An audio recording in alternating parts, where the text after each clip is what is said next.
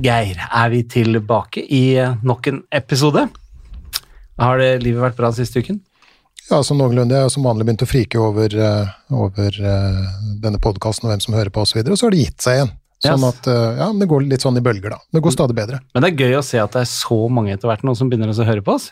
Det er, begynner å bli ganske mange, ja. Ja, Uh, og, Det stresser deg. ja, det stresser meg litt. Det gjør det. Uh, men, uh, men vi får også en del tilbakemeldinger på, på denne e-postadressen vår, som vi jo er så elskverdige å, å pumpe ut etter hver uh, Og de må vi begynne å lese opp, altså. De skal vi begynne å lese opp etter hvert, ja. Du hører altså på podkasten Gi litt mer faen med Geir Vigtil og Tommy Steine. Og vi sa egentlig i forrige episode, Geir, at i dag så skulle vi snakke om eh, hva var det, generell angstlidelse og panikkangst. Mm, vi tenkte å slå sammen de to. Ja. Men vi er, eh, vi er tydeligvis født under en lykkestjerne begge to, eh, så vi kommer ikke i hovedsak til å snakke om det i dag, for vi har lenge hatt eh, drøm om å ha med gjester Mm. i denne podkasten. Mm. Og vi har en sånn drømmegjestliste. Så du har fortalt meg hvem vi burde drømme om, og jeg har noen drømmer. Og i dag så ville tilfeldigheten at den, en av den drømmegjestene, er i Oslo, hadde ledig to timer, heist i en taxi og har kommet hit. Hvem er det vi har fått besøk av? Nei, altså i, i episoden om uh, sosial angst som vi uh, hadde, så, så sa jeg at det hadde vært utrolig stas å ha hatt en evolusjonspsykolog i studio. Mm. Og da hadde jo jeg en i tankene, men det var jo en person jeg ikke ja, kunne drømme om at vi skulle få i det studio Da her. rødmer han litt for de av dere som ikke Ja. Begge to rødmer, ja, faktisk. Det er veldig stas. Og blusser litt nå. Eh, vi, har, vi har faktisk, eh, og så sporty var han, at han heiv seg i en drosje etter en lang dag med forelesninger i, i Oslo sentrum. Så sitter eh, ved siden av meg i stolen nå, og det er nå antagelig jeg begynner å rødme litt. Leif Edvard Ottesen Kinner, han er professor i personlighetspsykologi ved, Instituttet for psykologi ved NTNU. Han er spesialist i voksenpsykologi. Han forsker på evolusjonspsykologi, så det her, nå begynner det virkelig å, å ta av. Han har skrevet en haug med bøker, han har skrevet en million forsknings, eller utgitt en, en million forskningsartikler, eh, og er en ettertrakta foreleser både i og utafor universitetssystemet. Og så har, har jeg hørt da, at han er ordentlig, ordentlig flink i metakognitiv terapi, som vi også er veldig interessert i. Opptatt ja. Mm, han sitter ved siden av meg, tro det eller ei. Da sier vi velkommen, da. Mm -hmm. Hjertelig velkommen til oss. Ja, tusen takk. Og så kan jeg jo også si noe om gadd og panikk hvis dere vil. Det er jo det jeg har snakket om i hele dag, egentlig. Er det det? Ja, ja. Ja, så bra. Så, Men hva vil du at vi skal kalle Bare Leif, eller? eh, Hva? ja, altså, men du sa fra Fitjar, de sier Leif Edvard. det gjør det. Ja, ja. Leif Edvard. Ja. Ja, Men da syns jeg vi skal bruke det. Leif Edvard. Leif Edvard. Okay. Ja. Litt sånn norrøn schwung på den. Ja. Ja, okay. Det, er, det er viktig å få med seg. Du, eh, jeg kan jo si da, Leif Edvard, at eh, det var fantastisk når han sa at vi skulle hatt en evolusjonspsykolog her. Eh, men for meg, som, er, som jeg har sagt til deg før vi startet her i dag, en enkel kar fra østkanten av Oslo, han kunne like gjerne sittet og Jeg forsto ikke. Hva er en evolus- evolusjonspsykolog? Ja, det er rett og slett en som tar utgangspunkt i hva vi vet om menneskeartens opprinnelse, Mhm. og hvordan denne arten har evolvert, Mhm. for å utvikle forskningsspørsmål omkring atferd her og nå i dag. Som for eksempel en av tingene vi forsker på, sjalusi. Ok. Hvis du ikke bryr deg katten om hvem dama di har sex med, så kan det hende at du er en evolusjonær blindgate. Hvis du investerer i en annen manns barn, Ja. sånn at da kan man jo tro at kanskje menn burde være emosjonelt opptatt av hvem dama deres har sex med. Men det finnes jo ingen måte det kan læres på. Det er ingen Nei. som får vondt av å være hannrei. Det er ingen som det finnes ingen konsekvenser, det finnes ingen måte å lære at dette er feil på, og hvis du ikke kan noe om genetikk og evolusjon, så finnes det heller ingen grunn til at man skulle synes at det var ubehagelig at damer har sex med andre menn. Så her er det bare én løsning. Det må ha vært et resultat av evolusjonen. Oi. Og da har du grunnlaget for en del vitenskapelige teser og spørsmål som du kan utforske videre. Så jeg som er jeg vil ikke si at jeg er en sjalu type, jeg var kanskje mer før, men jeg, jeg, jeg syns jo ikke det er stas hvis eh, hun jeg har delt livet med i 23 år, eh, syns andre menn er stas. Nei. Er, da er jeg normal og Ja, har vært med på evolusjonen, jeg, da. Ja, altså at du er med på evolusjon, da Ja. må du ha laget barn. Ja, det har jeg. Fire foreløpig. Ja, men da er du med på evolusjon. Jeg scorer høyt, jeg, faktisk, på det. Ja, allerede. Men du, du er jo en, en ung herremann enda. Når jeg, jeg fikk høre at det skulle komme en sånn superrockestjerne innenfor eh, psykologien, psykologiens verden hit i dag, så hadde jeg regna med at jeg skulle få en sånn, en sånn eldre voksen. Men du er jo faktisk yngre enn meg også. Jeg er bare 24, det er nokså utrolig. Ja, det er helt fantastisk. Ja, han er jo bare noen uker eldre enn deg, han, eh, Geir. Mhm, Ja, så gøy. Men hvorfor, eh, er, hvorfor er dette her så innmari spennende å forske på? Altså, når jeg var på studiet selv, Ja. som psykolog, eh, eh, på 90-tallet, Mm. så så gammel er jeg da, um, så var det slik at på den ene sida så fikk vi masse teori Mm. som ikke hadde noe grunnlag i evidens. Det var rett og slett ikke forskning som støtta mye av det. Og på den andre siden så fikk vi masse forskning som var løsrevet. Det var forskningsdata uten noe sammenlignende teori. Og de to sidene ved faget irriterte meg, og så tenkte jeg, hva ville vi ha gjort hvis dette var et annet dyr? Og da så jeg for meg Attenborough og den gjengen der, Ja, ja. prøve å forklare atferden til et dyr. Ja. Og så tenkte jeg, går det an å bruke evolusjonsteori?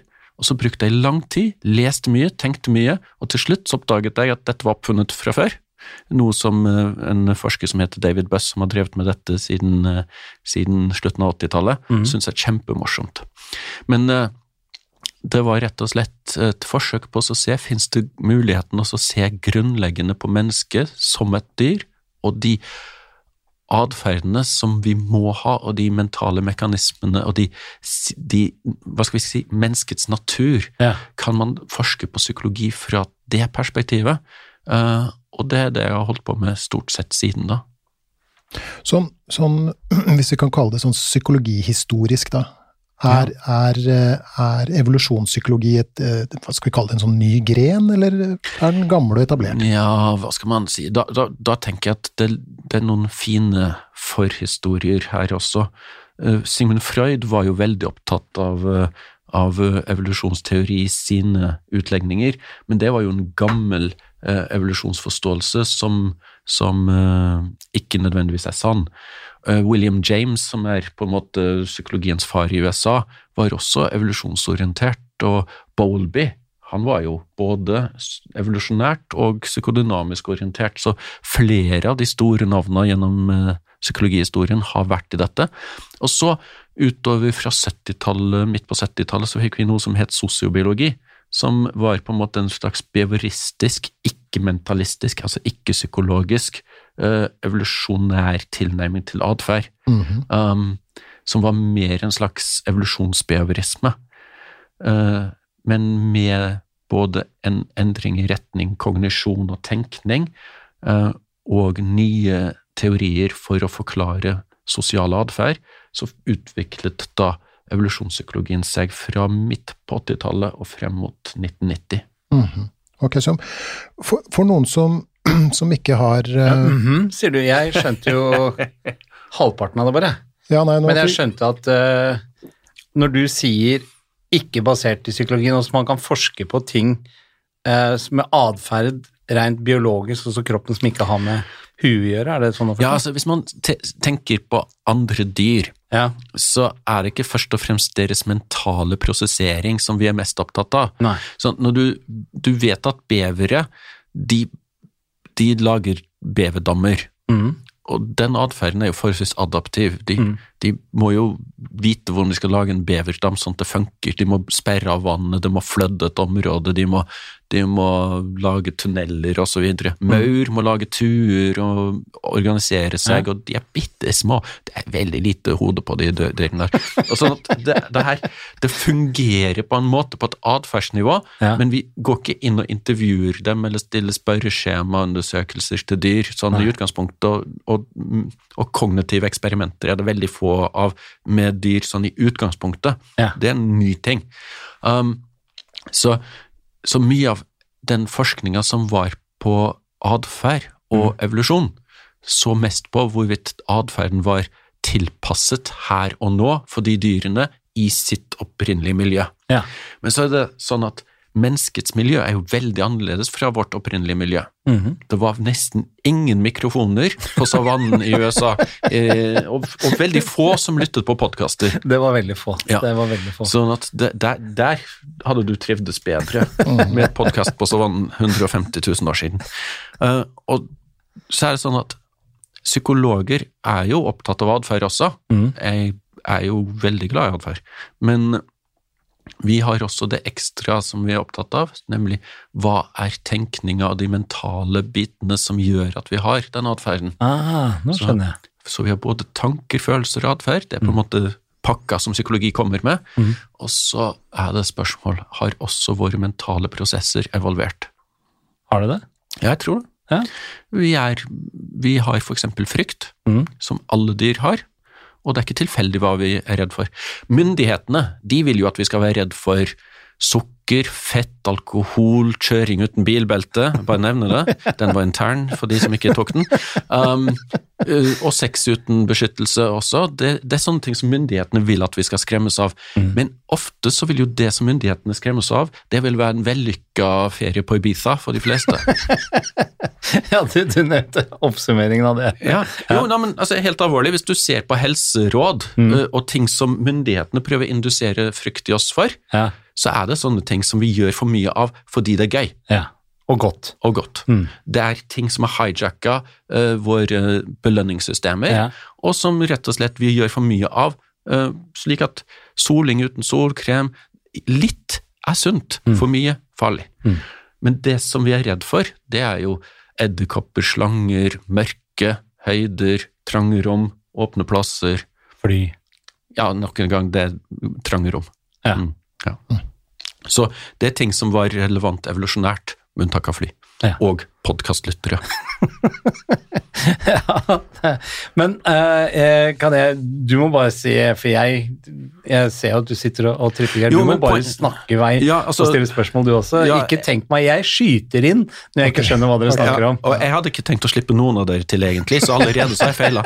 Men det som er greia mi, det er at de tingene som vi faktisk har normalt fobier for, mm. de vanligste fobiene, og der kan jo faktisk psykologen eller, eh, bare nikke litt, ikke sant. sant. Det, det er sånn Det er jo Det er jo ikke farlig. Nei. Mørket er ikke farlig.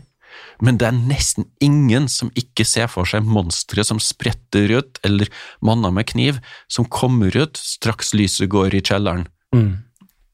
Uh, høyder det er jo ikke farlig i utgangspunktet, men folk begynner å fantasere om tenk om at jeg kaster meg utfor og jeg blir svimmel. Og fremmede er jo langt ifra så farlig som de man kjenner. Altså De fleste som dreper og voldtar, er jo de nærmeste. Så. Ja. Men er det eh, Kan jeg spørre dere, dere gutta, er det forskjell rundt omkring i verden på, på hva man er eh, redd for, eller er det noe gjengs?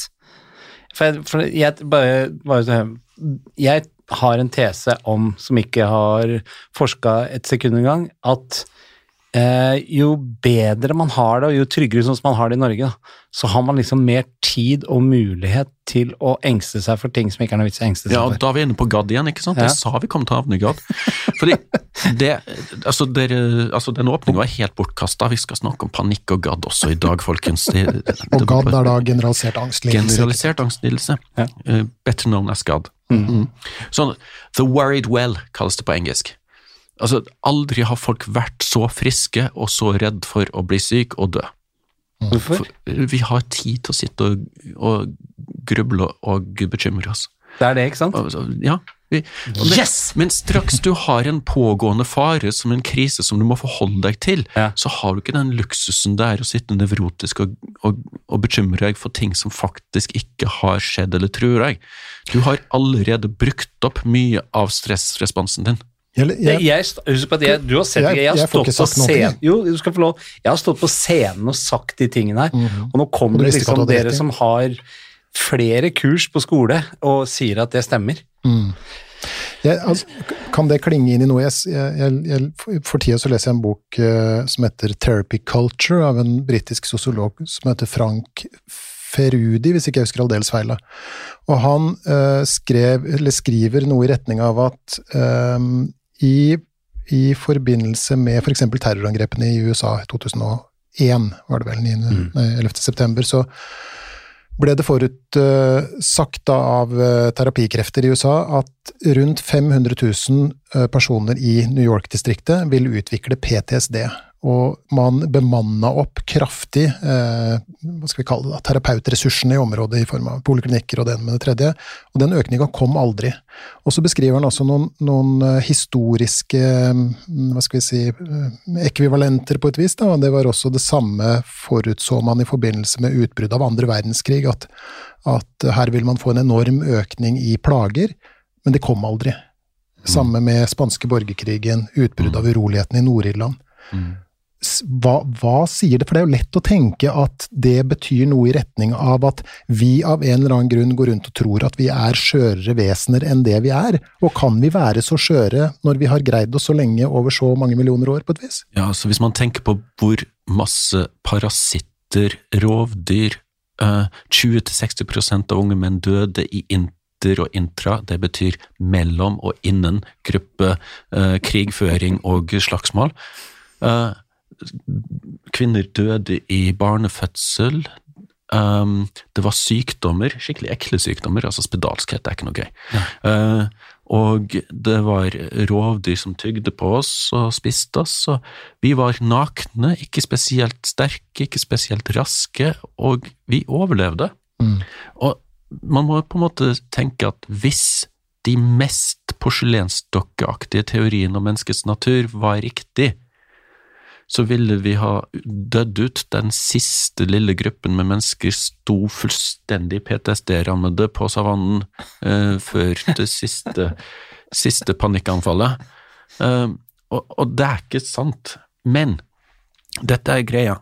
På den ene siden så har vi disse teoriene om hvor skjør vi er, der man kan ta den litt sånn Woody Allen-aktige holdninga til terapi, der det minste blikk fra mor når man var fem år blir repetert i analyse hver dag, hver uke, i fem ganger i uken på, på sjesalongen til terapeuten, og det virker som at det satte enorme spor i psyken. Og så kan man ta den der litt sånn mennesker tåler hva som helst, og vi er så resiliente, og det er ikke noe med noe som er så viktig å bry seg med. Altså Innimellom der så har vi enkeltskjebner som har psykisk lidelse, som vi skal ta vare på.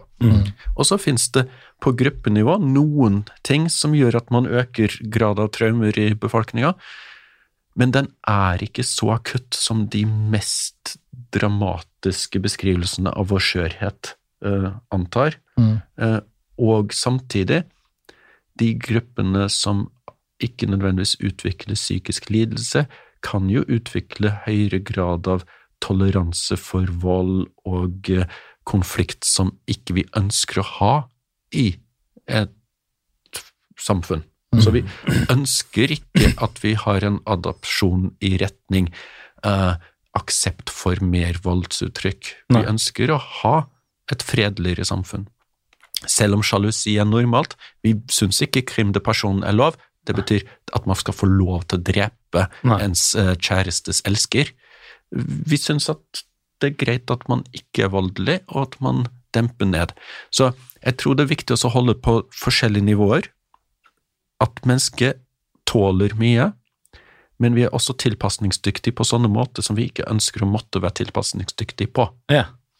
Så jeg har fine akademikerhender uten noe trevler på, og det har vel dere to også. Ja. Trevleløse som vi er. Ja. Men de som har normal fysisk aktivitet med hendene sine og da, da mente jeg ikke det du tenkte nå. Nei, jeg tenkte ikke på det. Jeg så hva du tenkte. Nei, det gjorde du ikke. Så var det sånn at de får normal med trevler, men det finnes jo også slitasje som man kan ut, få, Mm. som følge av at man blir overbelasta dag ut og dag inn med knekte fingre, og, og, og rett og slett man går over hva man tåler. Mm. Så, sånn kan det også være litt med psyken å gjøre også. Alt er ikke sykt som gjelder tilpasning, men det er ikke sikkert det er ønskelig for det. Men er det, øh, nå vet jeg, fordi jeg tror at jeg stiller det spørsmålet her i hver eneste episode, så det er noen som har bemerket at må du snakke om det hver gang? Mhm. Men det er fordi jeg lurer øh, fælt på det. Er vi mer engstelige, angstfulle, redde nå enn vi var for 30-40 år siden? Det er et sånt spørsmål som vi får ofte, og eh, jeg har vært veldig skeptisk, fordi vi har ikke hatt de samme utvalgene på mange undersøkelser. Vi har ikke hatt de samme kriteriene på mange undersøkelser, Nei. og det gjør at jeg har tenkt at det er veldig, det er veldig slett grunnlag for å anta dette. Men de seneste tallene som vi selv har samlet inn, og de seneste tallene fra andre undersøkelser av unge i Vesten, tyder på at det er en økning. Og det er sånn at jeg har sagt nei, jeg tror ikke på det, og jeg har ikke sett tallene som tyder på det. Jeg har sagt det i mange, mange år. Um, I løpet av de siste par årene så har jeg måttet gi meg litt på det. Jeg tror faktisk at vi ser en økning av eh, psykiske plager blant unge, spesielt unge jenter. Ja. Og det er rart, fordi dette er de grupperingene altså Der vi ser økningen, så er det blant de som eh, ikke var så utsatt før, som for eksempel college-studenter i USA. Historisk sett så hadde de lavere grad av psykisk plage. Eh, folk fra lavere kår med vanskeligere økonomi og vanskelige oppvekstvilkår Mm. viste mer trøbbel Mm. eh, enn eh, college-studenter før. Uh, men nå begynner det å være en vipping i retning at det er langt flere som søker hjelp eller omtaler seg selv som lidende. Men, og dette er viktig, hva man oppfatter som galt hos en selv, kan jo være et resultat av hva vi forteller, sånn at ordet terapikultur jeg er litt redd for at denne her, du må tenke på det, du må gruble på det, du må sette ord på det, du må føle etter og kjenne etter, og dette Bruk her. magefølelsen. Ja, jeg er jo faktisk av den oppfatning at det er ikke faktisk sunt å tenke hele tiden på hva føler jeg nå, og vurdere seg selv hele tiden, og kjenne etter hele tiden. Noen ganger så skal man faktisk gi litt faen. Så bra. Wow, Det er bra. den kom helt naturlig. Du gjorde det? Ja, ja. Ja, da, men da er, da, er, da, er vi på lag, da. Ja, vet du hvordan du skal avslutte setningen når du begynner på en? Nei, Nei, ikke alltid. heller, ikke nei, heller. Nei, det, den- den ta, kom- Av og til så spretter ja, ut til siden. Sånt, det ligger en bok foran meg her, så det ser nesten ut som at jeg plugga den. Nei, men det tror jeg ikke du gjorde. Nei, det var Nei, bare jeg, jeg tror rett og på slett. Eh, Jeg har et spørsmål, og jeg skal prøve også å gjøre det så, så kort som mulig, men det er, jeg må noen sånne kriker og kroker rundt. Eh, Du eh, si, Det du sier da, gjør at jeg får en oppfatning av at du på samme måte som eh, Folkehelseinstituttet da de om, rapporterte om, om psykisk helse nå i 2019, så gikk de relativt langt i å antyde at de, det nødvendigvis ikke var noe økning ute og gikk, men at det var en økning i selvrapportering. Ja. Og da er vi litt sånn tilbake til, til det du sa om trevlene, da, som jeg syns var et godt bilde. Eh, Fordi at altså, har du ikke trevler, så er du litt sånn bløt og, og, og, og kanskje mer utsatt, ikke sant. Oh, ja. Så bør du ha en viss grad av trevler, og, og har du belasta disse hendene for mye, så kan du få skader og dysfunksjon, om vi kan Ja. kalle det det.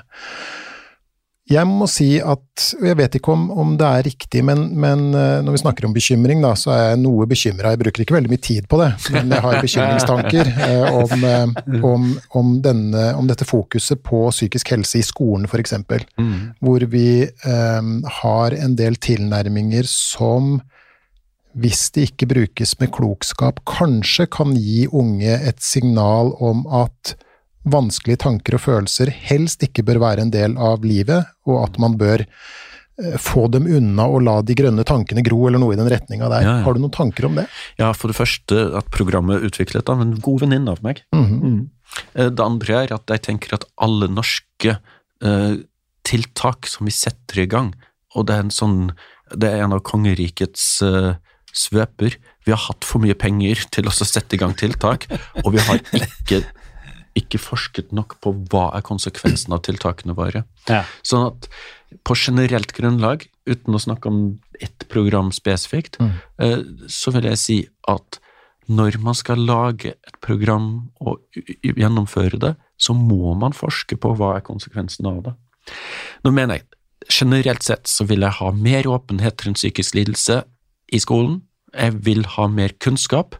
Men så er det ikke alt som er kunnskap. For ikke så lenge siden så kom det jo frem at man drev og lærte bort power posing. Eh, og da har man jo bomma fullstendig, for det er svada, og det er teit. Sånn at hvis man Eller jeg vil si, jeg har prøvd å formidle dette her. Power posing works hvis du bruker powerposinga gjennom hele foredraget ditt. Ja. Men det å så powerpose i uh, fem minutter før foredraget hjelper ikke. Powerposing det er når man står bredbent og litt selvhevdende og prøve å skape en slags indre stemning av kontroll og, og eh, eh, hva skal man kalle det, selvtillit. Ja. Eh, Men på scenen så vil det se teit ut, ja, det tror jeg. egentlig. Så det var en spøk. Husker du den der reklamen som VG hadde for mange år siden? Han der som sto på stranda med den eh, capsen som klappa sånn derre L-caps. Han sto litt sånn powerposing Ja. på stranda. Ja. Det, det, det tror jeg ikke folk oppfatta som at eh, Oi, for en sterk mann. Mm. det var mer eh, teit. Men, Men- men, men- det, er- det er et viktig poeng her. Hvis vi jeg, jeg var jo med på en episode av et program på NRK med en fantastisk dyktig programleder eh, som heter Innafor, og som handlet om menn og kvinner og følelser og sånt.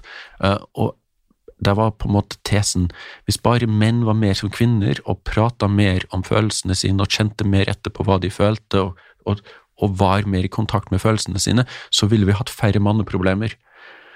Jo, men vi hadde hatt to problemer i tillegg. Én, de ville vært mindre seksuelt attraktive. Mm. To, de ville fått kvinneproblemer.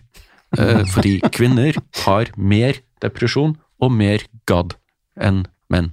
Ja, de har det? Ja, ja. Ca. tre ganger eh, så mye depresjon i Vesten blant kvinner enn blant menn, og ca. dobbelt så mye bekymringsangst.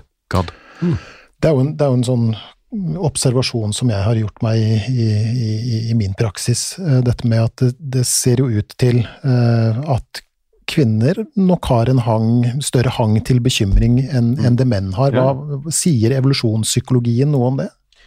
Altså, det er faktisk noe som heter young male syndrome, og det er da et syndrom for unge menn.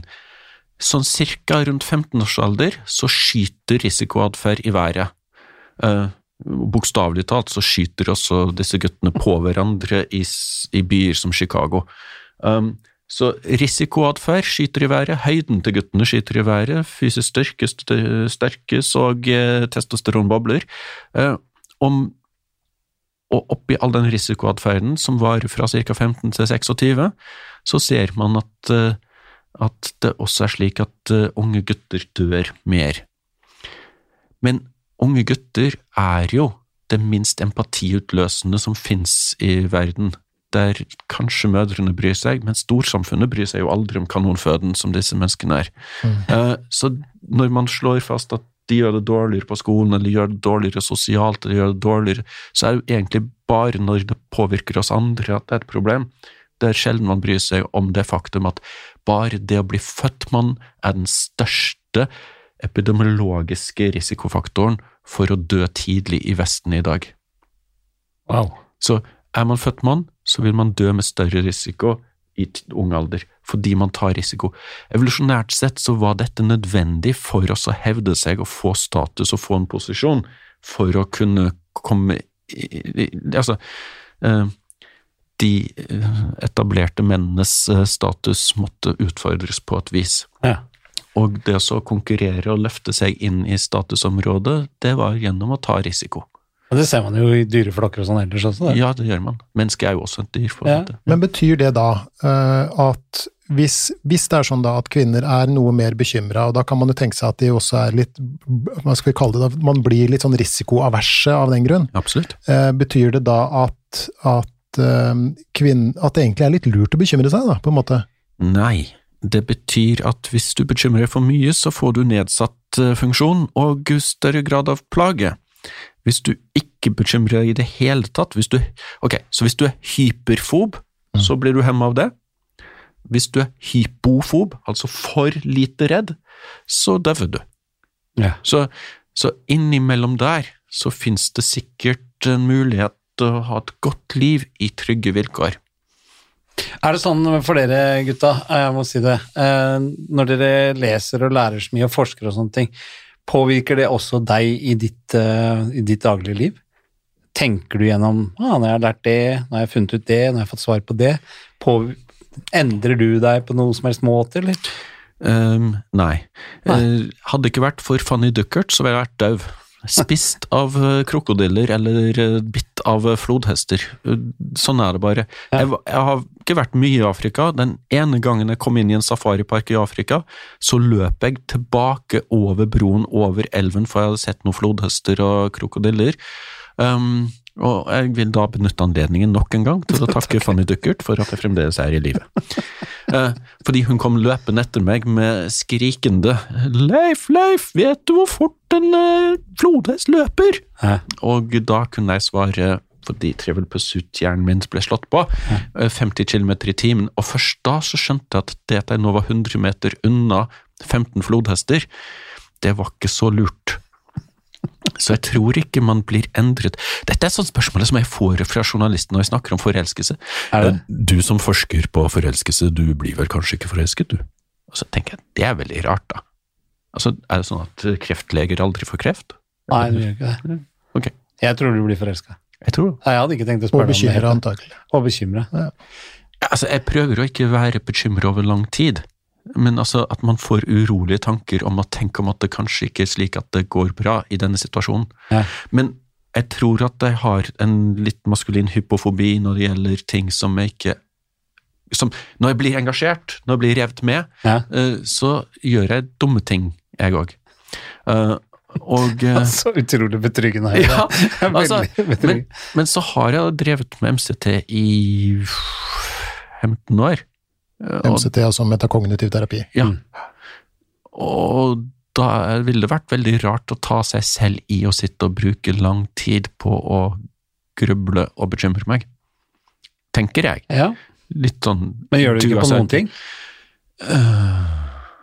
Er du ikke redd over, no, altså, når det kommer opp et problem som man ikke kan løse, så kan det hende at man har en liten prosessering. Så tenker jeg at det går an å slippe de tankene.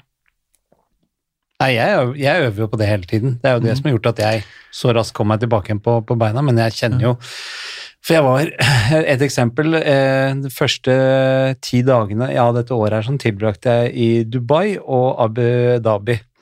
Eh, golf. Og da fant Trump og Iran ut at nå gidder ikke de å være sånn kjempevenner lenger, og de begynte å skyte ned fly, og da kjente jeg at eh, MCT-en fikk virkelig kjørt seg. Ja. 24-7. Jo, men vi må jo skille mellom faktisk fare og tenkt fare. Ja. Og eh, jeg tenker at det også responderer emosjonelt på omstendigheter. Mm. Altså, jeg tenker jeg kan jo gi faen i mye, men jeg ga jo ikke faen i å komme her. Nei? Snarere tvert imot, jeg kasta meg om og kom. Ja, det var helt fantastisk. Ikke sant? Ja.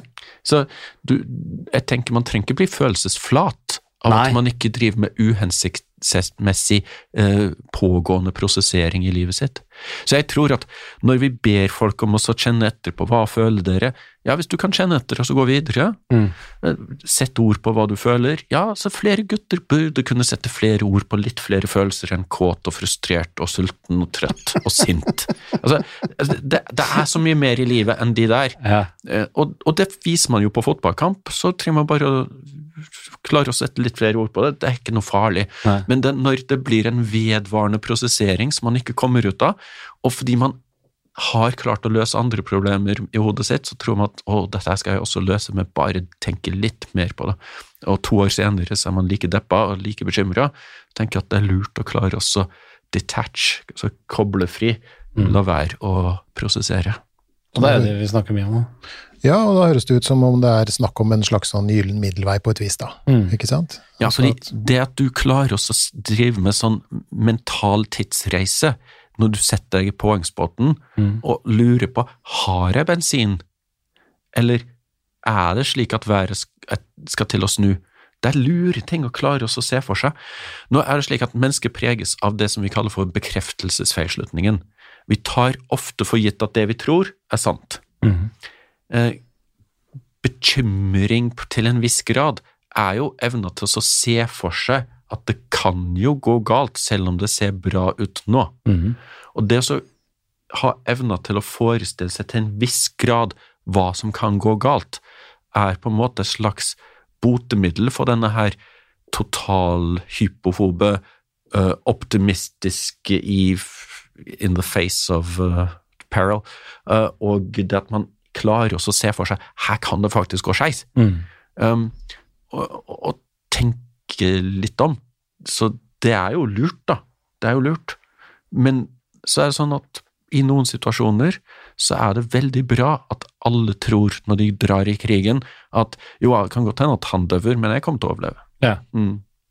Sånn. Og det må du ha, hvis ikke så er det jo Hvis ikke så hadde ikke krig evolvert. Nei. Så vi vet at den greia med at man tror at jo, det kan hende at andre er i fare, men jeg er nokså trygg. Den holdninga der, den har jo uh, unge menn i svært større grad enn kvinner. mm. Og den putter en både i high gain-situasjoner, men også high risk. Mm. Sånn man får både payoff men, og tap, men her er problem. Fordi evolusjonært sett så er det slik at noen har vunnet, og de har jo da fått flere barn enn de som tapte. Ja. Og hvis de da hadde den ideen om at det kom til å gå bra, så er det ingen mekanisme for som fjerner denne her over eh, Overkonfident, holdt jeg på å si, men det høres fryktelig dårlig ut. Altså, hva, hva heter det på norsk? Overconfident. Ja, Ja, altså, Overconfident på engelsk. Hva heter det på norsk? Uh, Dere to er jo kronisk norske, så dette skulle gå bra. ja, men det er jo enda verre å bli For høy grad av selvtillit. Ja, riktig. Det var en fin Overdreven selvtillit. Ja, overdreven selvtillit. Ja.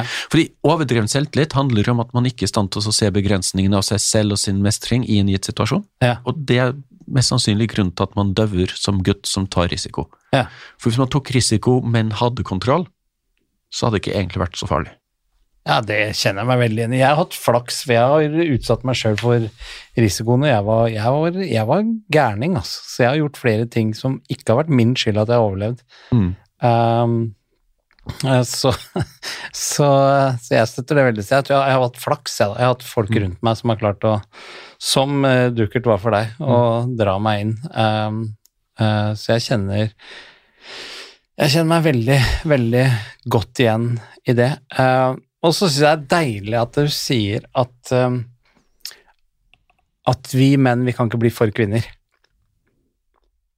For kvinnelige, tenker du på? Ja, for så det du sa om at eh, hvis vi bare blir mye mer lik kvinnene, så blir alt bra. Det tror jeg ikke noe på. Det fins fordeler med begge kjønn. Det fins ingenting som tilsier at menn får det bedre hvis de blir mer deprimert og engstelig. Nei. Det fins ingenting som tilsier at kvinner vil oppleve det som mer sexy. Nei det, Snarere tvert imot. Det fins forskning imot, som tyder si. på at kvinner ikke tiltrekkes av menn som er for nevrotiske. Ja. De slet jo litt, eh, de karene med fullskjegg og fotformsko på 70-tallet, med, å- med sexy-faktoren, det skal jo sies. Ja, men de fikk noe barn, de òg. Ja, ja, Og de gjorde så og da var det jo Alle skulle ha med alle, så da var det jo Ikke sant? De fikk Så jo mer, de, tror jeg. Evolusjon snittet. det. Ja, for det kom i forkant av aids-epidemien. Så. Ja, så da var det ingenting som var farlig. Men nå er det nesten ingen som får noe.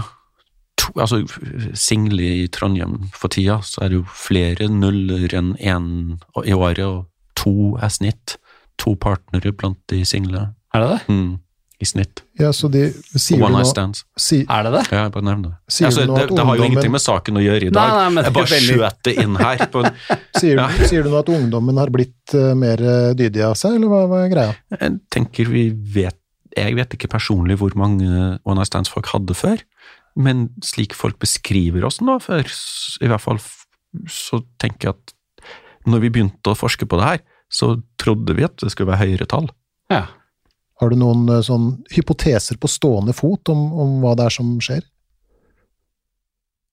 Nei, fordi da måtte man ha tall som tydet på hvorvidt det har endra seg. Ja. Så, så jeg tror rett og slett bare at det er eh, ikke sånn at folk har så mye sex som andre tror. Altså, jeg, i, når jeg var ungdom, eh, det er jo ikke så mange uker siden det, så jeg har jo så klart aldri hatt en one night stand, men jeg hadde jo kamerater som det var oftere enn det var oftere enn én og to i året når jeg vokste opp. Ja, men nå snakker vi snitt, da. Ja, 14% har mer, fem eller mer i året. da er jeg en viril kameratgjeng Mm. det, når jeg vokste opp. Ja. Eh, ikke jeg, så klart, men Nei. de andre. Ja. Så jeg trakk vel snittet veldig ned, men for jeg er veldig dydig av Vi må videre. Mm. Det er Er det andre ting du vil spørre om, eh, Geir? Ja, nei, altså, vi, vi, vi slapp kanskje det temaet litt, eh, litt raskt i stad, for vi, vi havna litt over på, på oss menn igjen, men, men dette med, med den, som kan se ut i hvert fall som en, en noe høyere hang til bekymring blant, blant kvinner enn menn. Kan, går det an å si noe om det? Altså, for jeg, jeg tenker jo, jeg kan jo ikke noe om det her, men, men det er jo lett å tenke at, at eh, nå skal Tommy begynne å rive i en avis, og det blir jo skikkelig bra. Sånn. Er Spytte snusen nå. Spytte snusen, er det. Mm, ok, ja, midt i. Bare fortsett. Det, ja da, Ja. nei, ikke la oss forstyrre det. Det Nei. går bra. Um, det er jo lett å tenke at, at det kan ha noe å gjøre med hva skal vi si, at kvinner har ansvar for barn, og, og dermed ikke bare seg selv å tenke på, og så er det, er det, er det noe i den retninga der, eller hva, hva kan du si om det? Ja, altså, jeg vil jo poengtere at menn har hatt mye mer å tjene på å reide nabolandsbyen enn kvinner som har hatt ansvar for barn. Mhm. En av ressursene som de har da hatt eh, eh, som fordel av å reide for å oppnå, er jo større grad av tilgang til kvinner fra den nabolandsbyen. Mhm. Nå, det er jo veldig politisk ukorrekt, men nå snakker vi om 150 000 år siden til for ca. Eh, noen år siden i enkelte deler av verden. Så, og vi vet at det er sant, så det er ikke noe det er ikke politisk korrekt som er poenget. Eh, mens kvinner uh, som har barn, hvis de dør, så er det det er ingen, det er ingen fordel som kan, som kan eh, kompensere for det.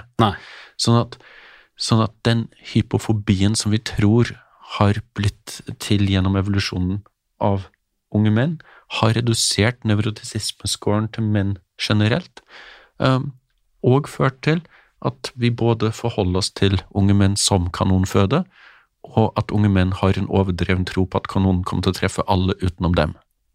Altså ikke kanon, men kanonkula, da. Ja. Ja. Det Det er noen som bruker kanon feil, hvis det er omvendt.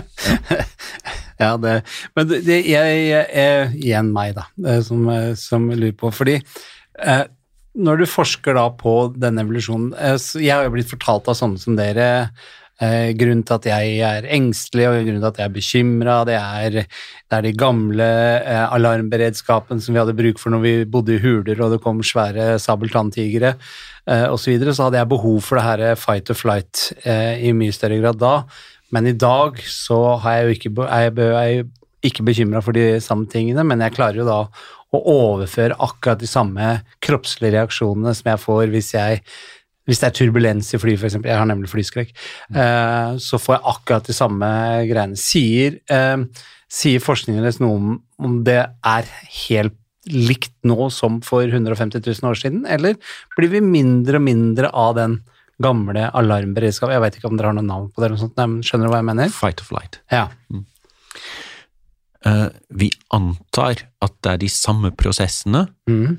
Ellers så ville vi ikke sett de i alle grupper av mennesker gjennom hele verden som vi vet om. Mm. Så er det også slik at vi vet jo ikke vi vet jo ikke hvordan det å leve i nokså røffe, grusomme miljøer eh, kalibrerer eller setter nivået på hva som utløser eller hva som opprettholder Mm. forskjellige sånne responser.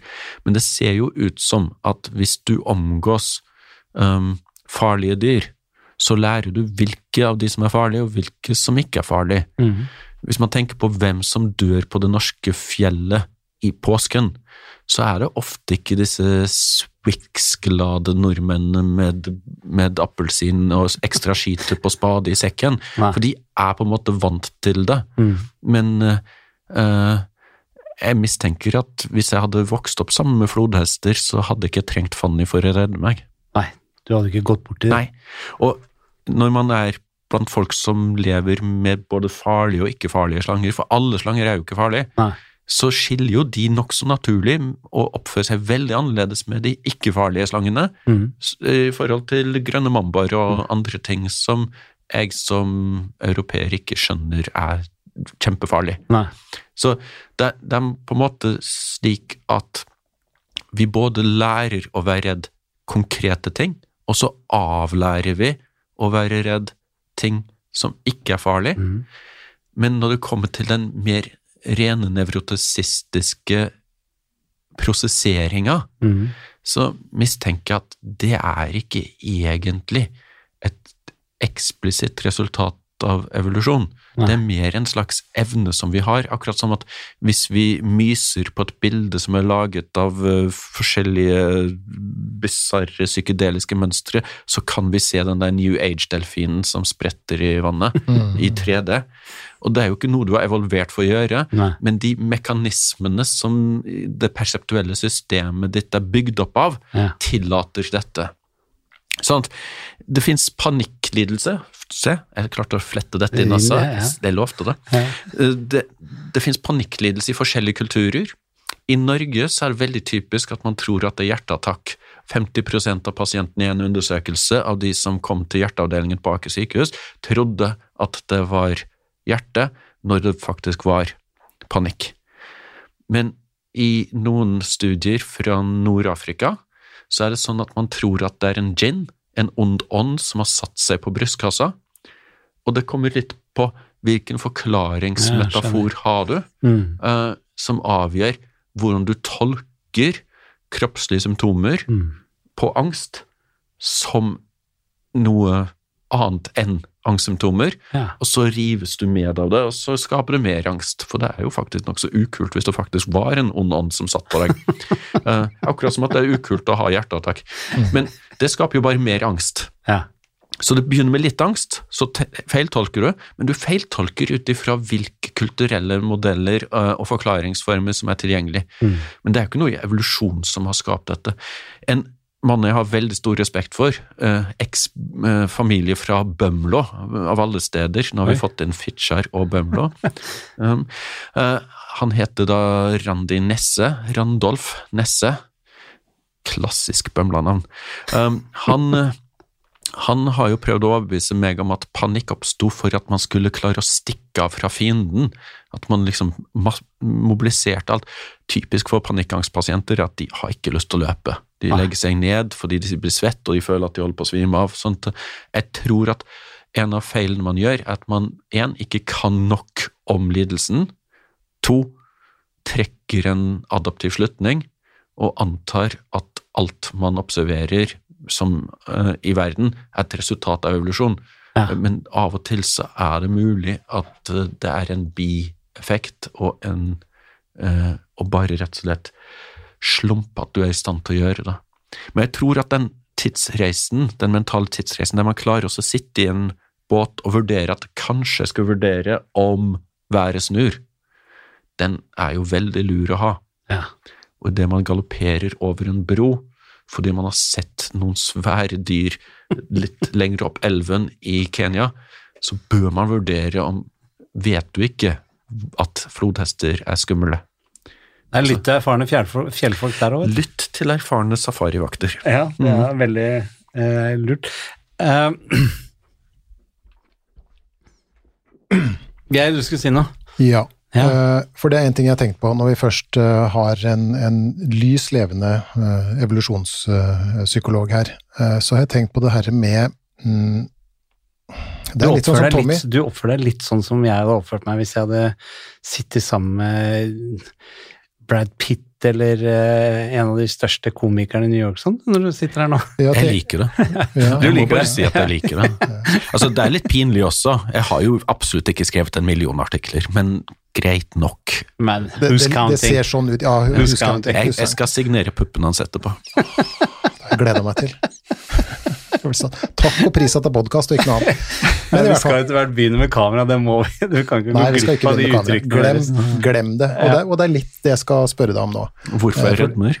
Nei, eh, nei. Mer, mer dette med, med litt sånn eh, sosial engstelse i et evolusjonært eh, perspektiv. Ja. Eh, fordi at eh, mm, Hva skal vi si da? Det, det er jo en av de mest sånn hyppige plagene som, som jeg ser på mitt kontor.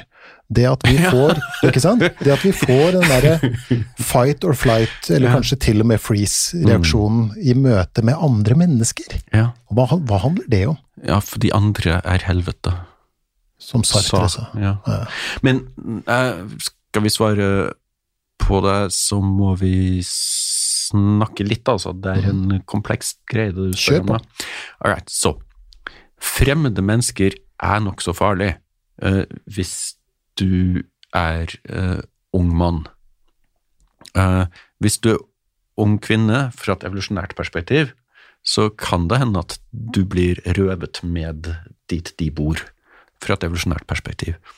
Nå i dag så er det jo faktisk sånn at de fleste som utsetter andre for overgrep, både vold og voldtekt, de er jo nærmeste familie. Sosial fobi har blitt hypotisert å være en beskyttelsesrespons mot sosial utestengelse. Det, det er på en måte Larry sin eh, teori, eh, og han har fått noe støtte for den. Jeg tenker det er jo litt spesielt, da. For hvis du vet noen gang noe om sosial fobi, så er det at én, de gifter seg senere, helt frivillig. Mammaen deres vil gjerne at de skal begynne å date, men de er ikke der. De tar ikke så mye utdannelse, for de har ikke lyst til å presentere på skolen, og de vil helst ikke um, søke forfremmelser i tilfelle de får lederansvar, må stå foran folk og så si ting.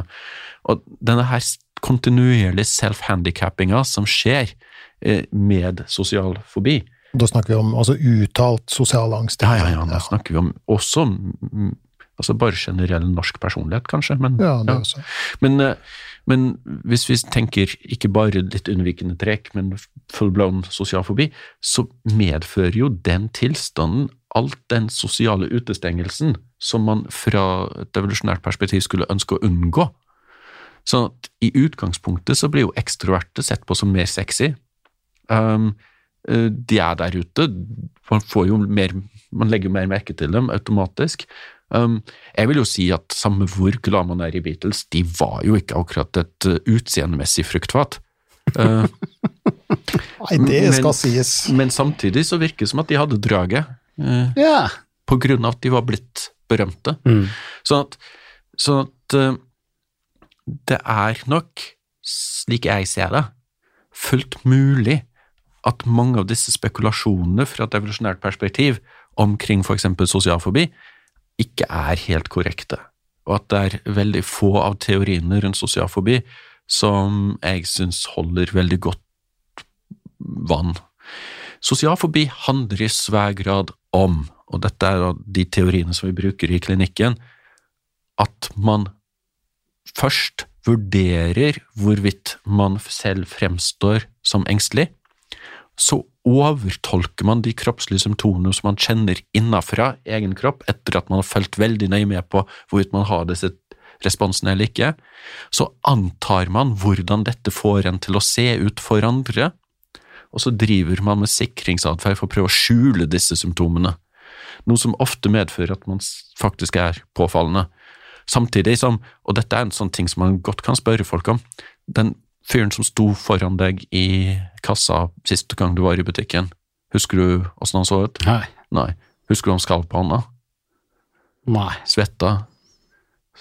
Altså, dette er, sånn, det er ikke sånt vi får med oss som folk. Nei. Vi går ikke rundt og vurderer nøye. Å, ser jeg noen symptomer? Det finnes masse forskning på det.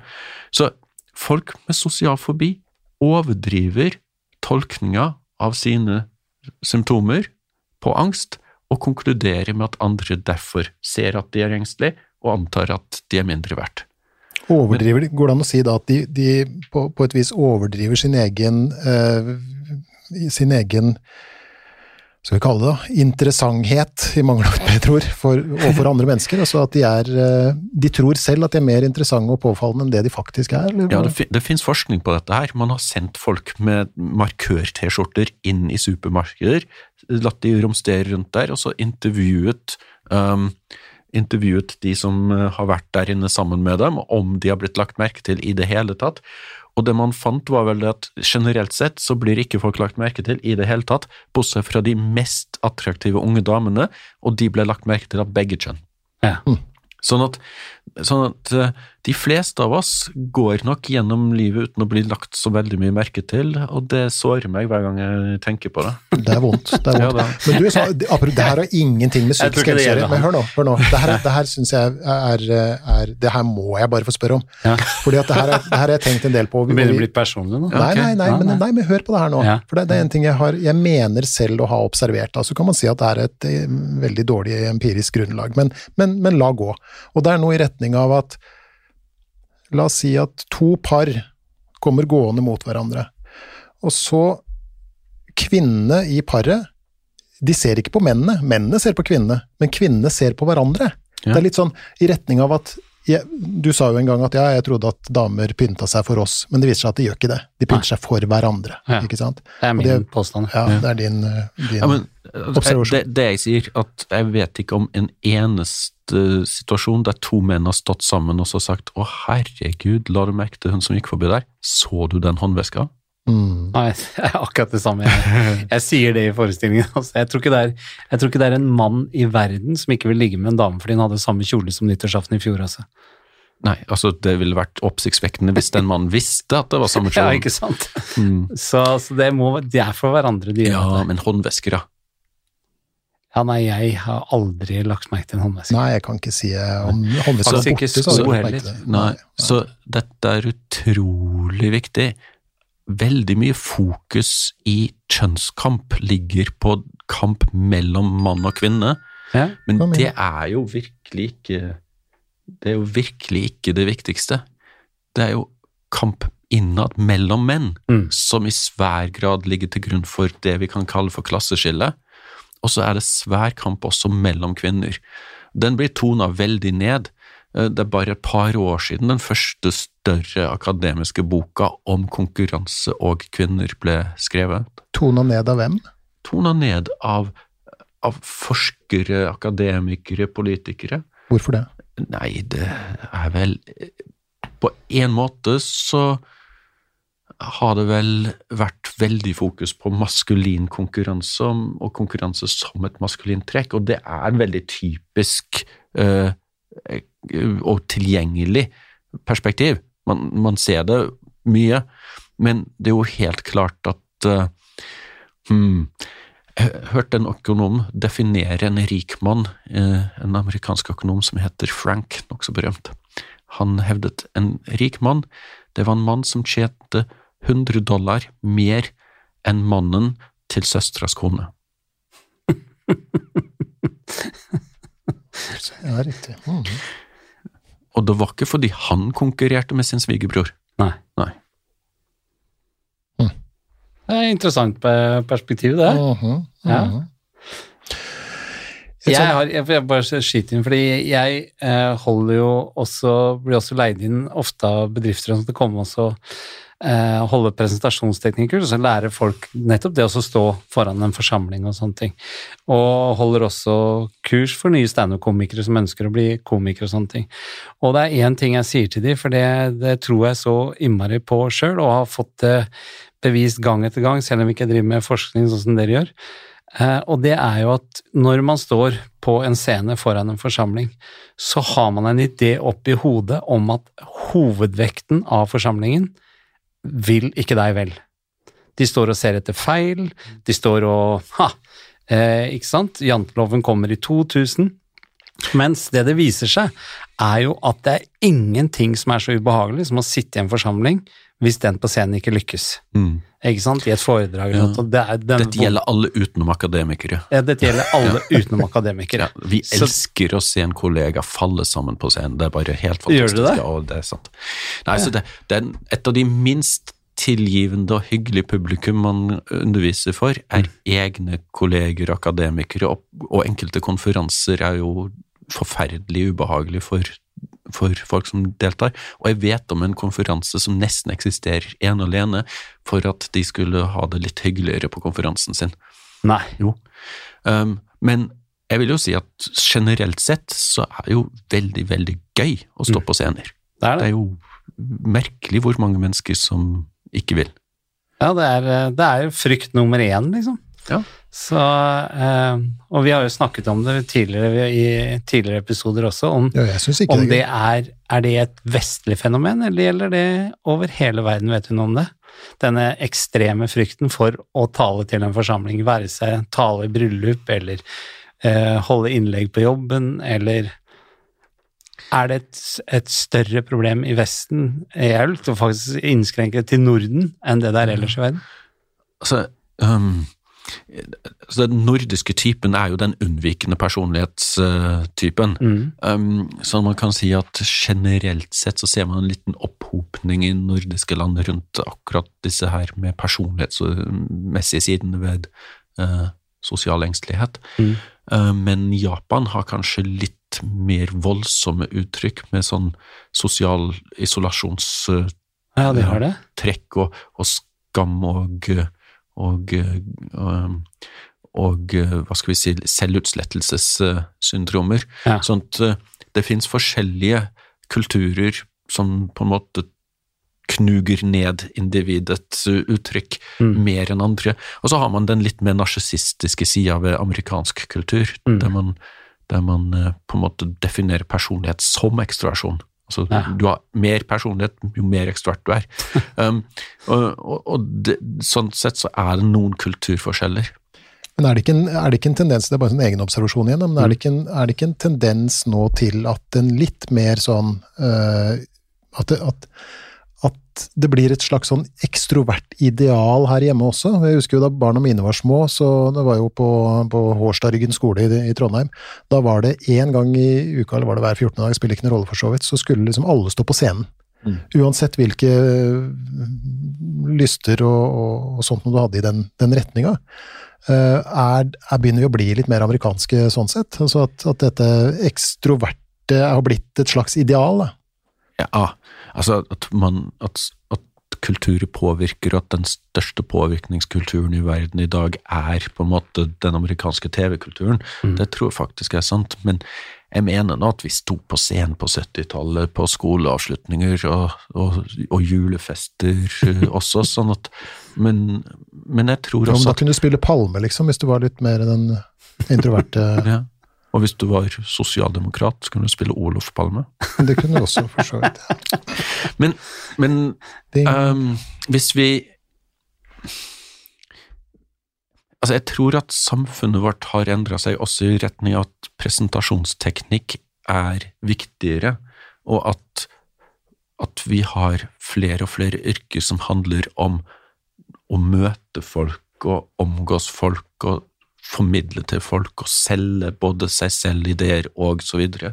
Mm. Så, så jeg, jeg tenker at kanskje det ikke bare er det amerikanske og det TV-messige, men at vi også har en, en utvikling, både yrker og uh, muligheter, og, og for så vidt pedagogikk, som går i retning av å ha folk frem og si noe, snakke.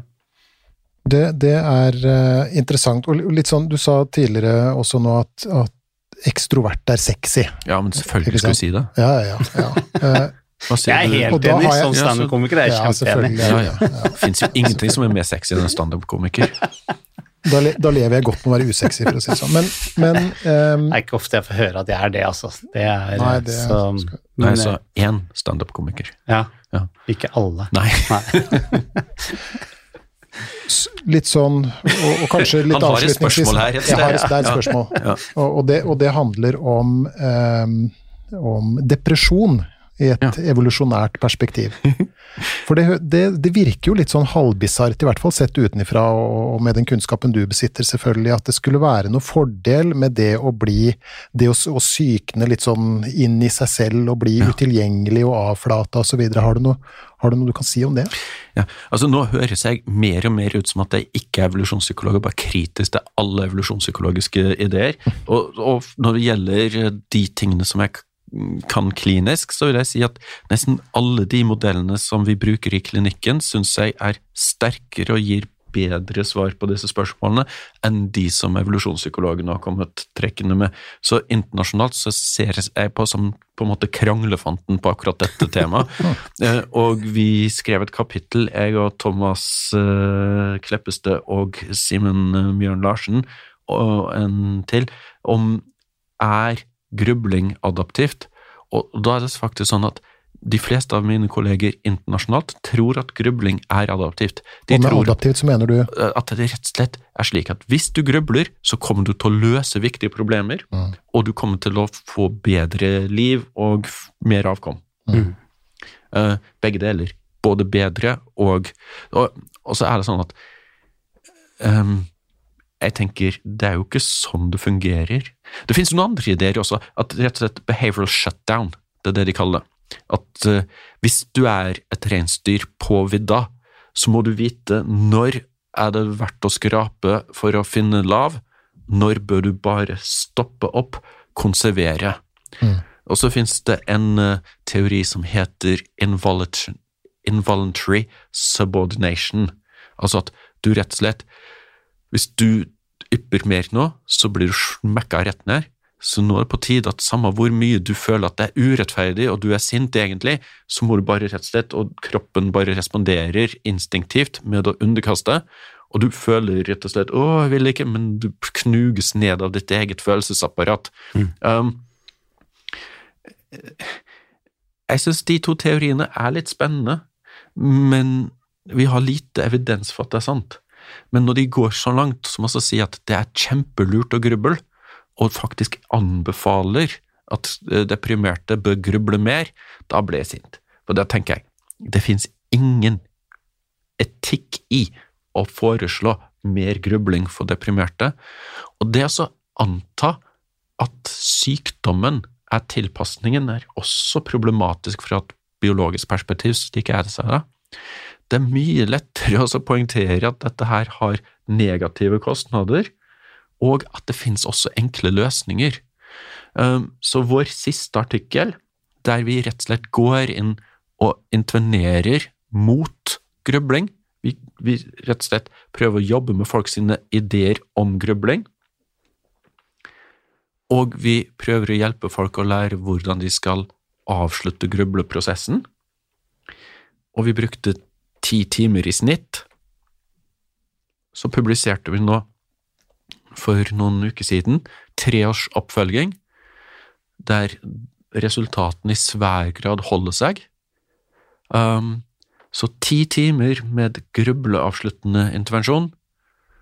Uh, og når man har fulgt opp folk i tre år, så tenker jeg at dette bør nå få tilbakevist den ideen om at det er viktig å gruble. Mm.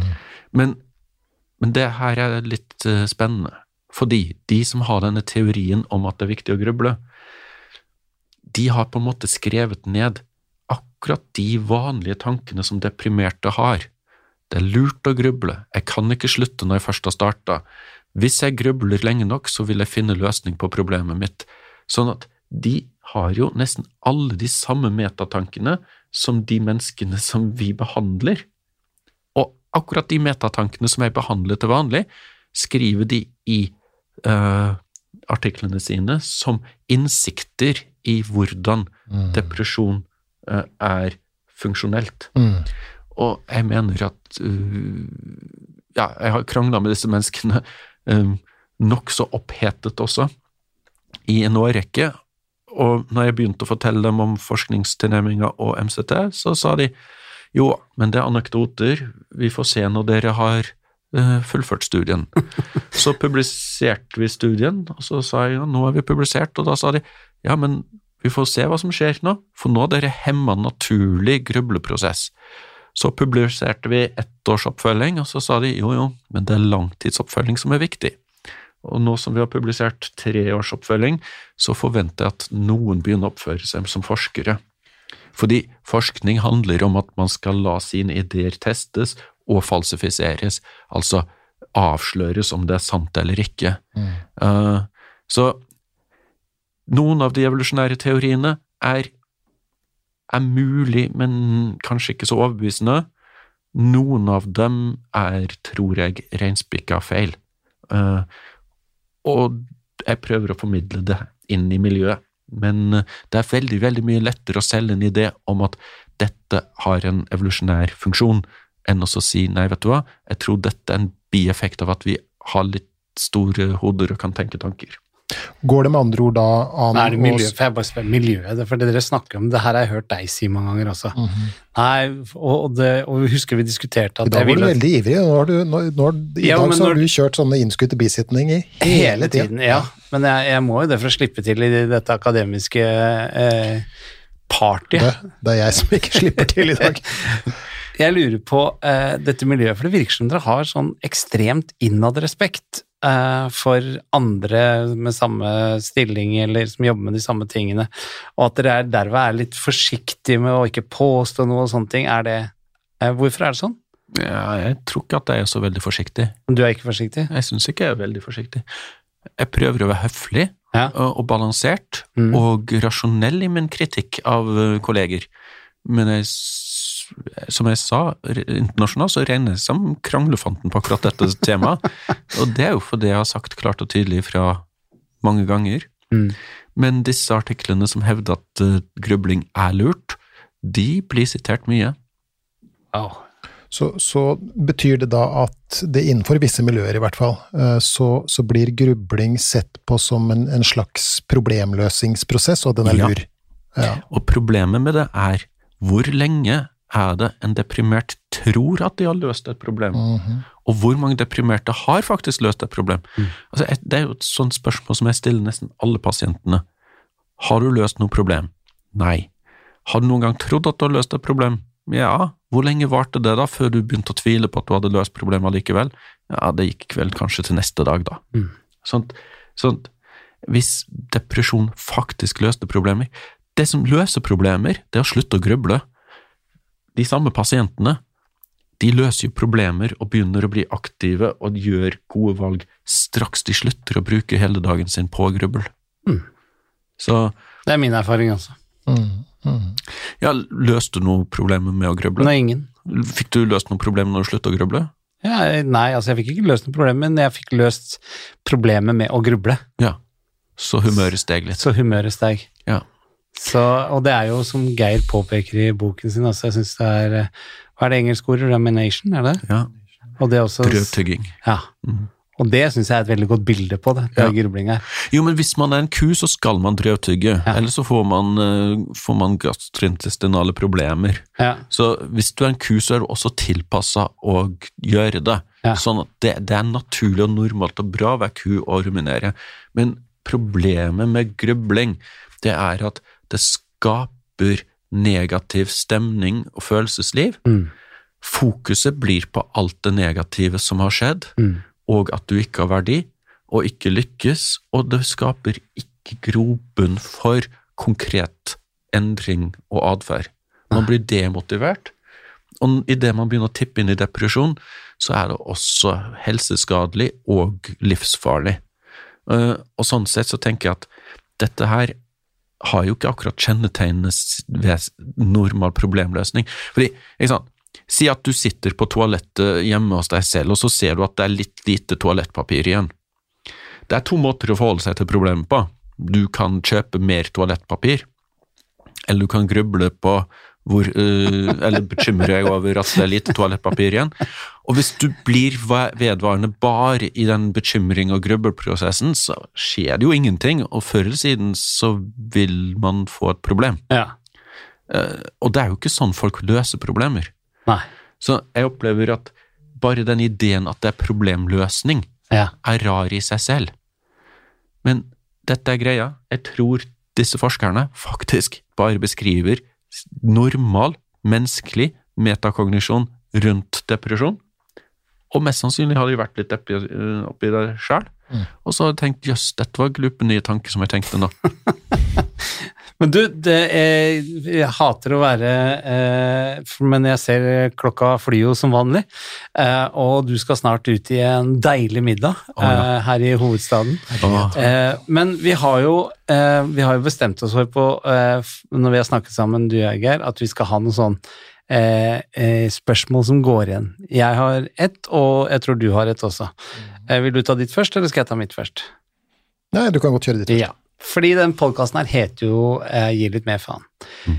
Finnes det, for en mann som kan så mye om dette her som det du gjør, finnes det noe du syns eh, at du burde bli flinkere å gi faen i?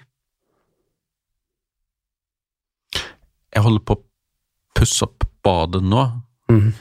på bakgrunn av minimal vannskade, minimal lekkasje.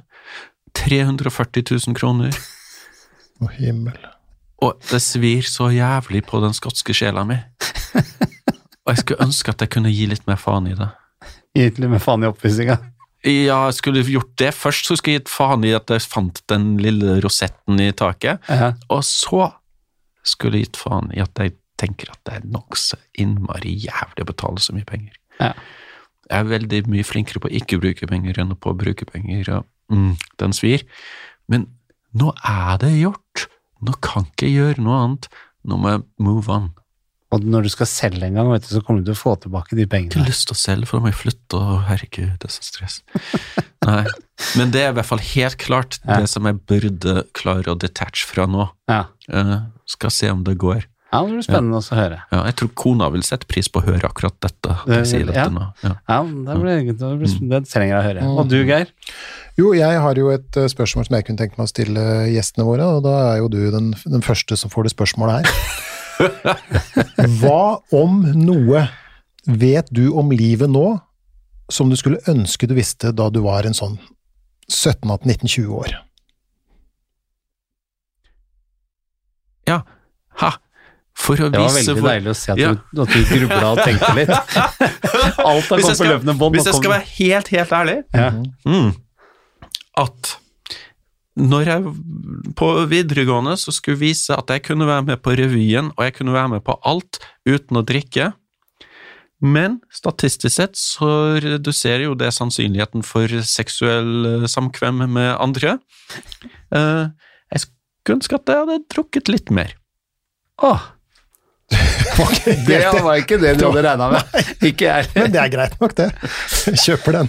Men du eh, Det, dette, kunne- det er ikke Altså, da et jeg generelt på begge Ja, det er veldig deilig. Ja. men, men, men det er ikke et generelt folkehelseråd her, altså, bare det er sagt.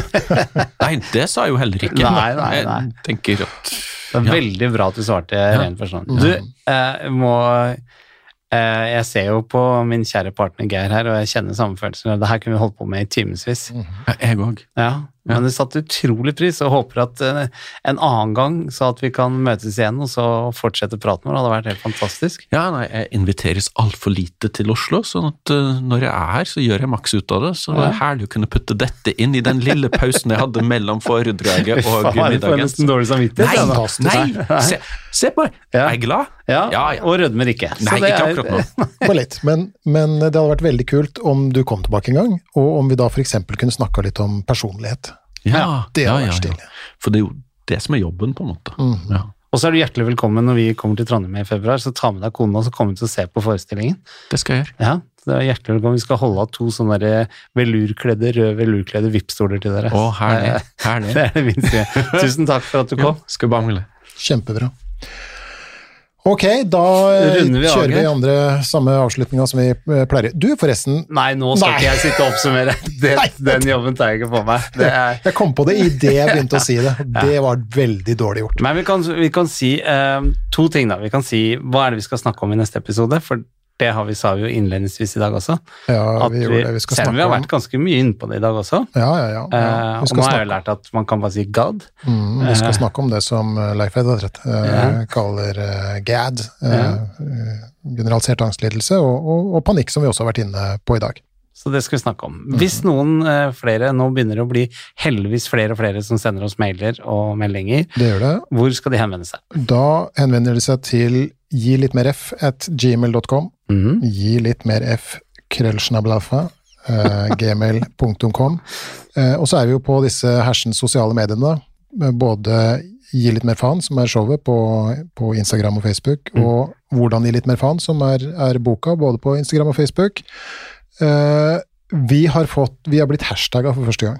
Har vi det? Tro det eller ei. Mm. Hei, hey. Gi litt mer faen-podkast. Hashtaggen Gi litt mer faen-podkast har vært brukt for første gang på, på i Instagram. Det blir jo stas, da. Ja, det er Ja, på en eh, litt rar Nei, måte. Nei, nå må du gi deg. Det er Ja, stas. det er stas. Ja, det er stas. Og så eh, håper vi også at de som sitter der ute og liker det de hører, eh, snakker med andre om det og, og sprer denne podkasten, som for det meste handler om psykisk helse, og, og, og det er jo et budskap som vi er opptatt av. Så, så snakk om oss og, og spre oss, holdt jeg på å si, og så blir vi veldig glad for det. Ja, det er vi veldig glad for. Så sier vi takk for i dag, og så ses vi om en uke igjen. Det gjør vi. Takk for at du kom, Leit Edvard. Tusen takk. Tusen takk.